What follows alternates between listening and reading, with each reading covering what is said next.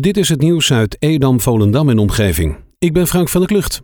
De bondscoach van het Nederlands elftal, Ronald Koeman, vertrekt voor twee jaar naar Barcelona. De KNVB bevestigde zijn vertrek woensdag en moet op zoek naar een opvolger. Het lijstje namen is lang, die van oud-international Wim Jonk ontbreekt. Jong vindt het jammer, maar begrijpelijk dat Koeman bij Oranje vertrekt. De meest uiteenlopende namen doen nu de ronde om Oranje te gaan coachen. Jong, sinds vorig seizoen hoofdtrainer bij FC Volendam, wil zich niet in die discussie mengen.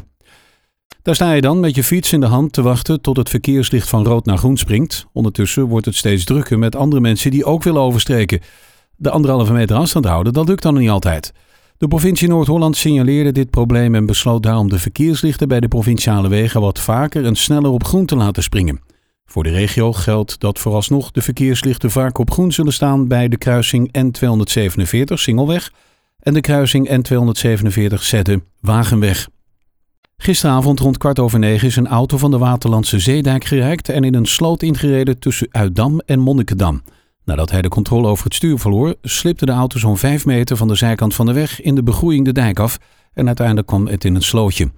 De bestuurder van de auto is naar het ziekenhuis gebracht. Het Bernard Nieuwetijd College in Monnikendam heeft speciale luchtreinigingsapparaten laten plaatsen, zodat coronavirusdeeltjes uit de lucht kunnen worden gefilterd. De school voldoet aan de eisen voor het ventilatiesysteem, maar op deze school leek een extra veiligheidsmaatregel toch nodig. De leerlingen van het college kregen gisteren een brief mee naar huis met uitleg over de veiligheidsmaatregel. Op het Rietland in Landsmeer heeft gisternacht een auto in brand gestaan. Brandweermannen konden voorkomen dat de auto's naast het brandende ook in brand vlogen. De politie doet onderzoek naar de oorzaak van de brand, omdat brandstichting niet wordt uitgesloten. De politie is op zoek naar getuigen. Staatsbosbeheer start maandag met de houtoogst in het Purmerbos. De werkzaamheden zullen met name plaatsvinden in het noordelijk deel van het bos, gelegen tegen de Purmerenderweg. Het zagen vindt plaats in combinatie met een kraan en neemt ongeveer een maand in beslag. Plaatselijk kunnen de werkzaamheden voor hinder zorgen. Mede doordat het tijdens de uitvoering de wandel, ruiter en fietspaden tijdelijk niet of minder goed bereikbaar zullen zijn. Ter plaatse zie je de aangegeven tijdelijke afzettingen. Na de werkzaamheden worden de paden zo snel mogelijk weer hersteld. De stikstofuitstoot tijdens de bouwwerkzaamheden vormt geen belemmering voor de bouw van 32 woningen op het terrein van de Akker op Dorpstraat 60 in Landsmeer. De provincie geeft hiervoor groen licht. Het bouwterrein bevindt zich op 800 meter van Natura 2000 gebied Het Twiske.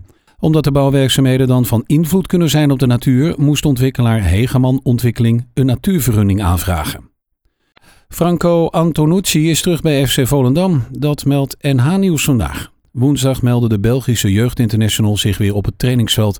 De middenvelder verruilde onlangs AS Monaco voor Feyenoord, dat hem voor één seizoen bij het Nieuw Oranje stalde. In het vorige afgebroken competitie scoorde Antonucci 11 goals en werd hij gedeeld clubtopscorer. Zowel de topclubs in België als in Nederland toonden interesse en Feyenoord toonde zich het meest slagvaardig. Deze maand begint SD Waterland op nieuwe locaties met een deelauto en worden alle huidige auto's vervangen door nieuwe wagens met MyWheels bestikkering.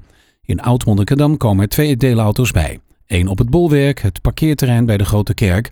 De andere komt op het Verenigingsplein. Op beide locaties komt een extra laadpaal. Een van de parkeerplaatsen wordt gereserveerd voor een deelauto. De andere plek kan door iedere elektrische auto worden gebruikt. Binnenkort kunnen inwoners van Marken en Ipedam ook gebruik maken van een deelauto dicht bij huis, want hier komen ook deelauto's.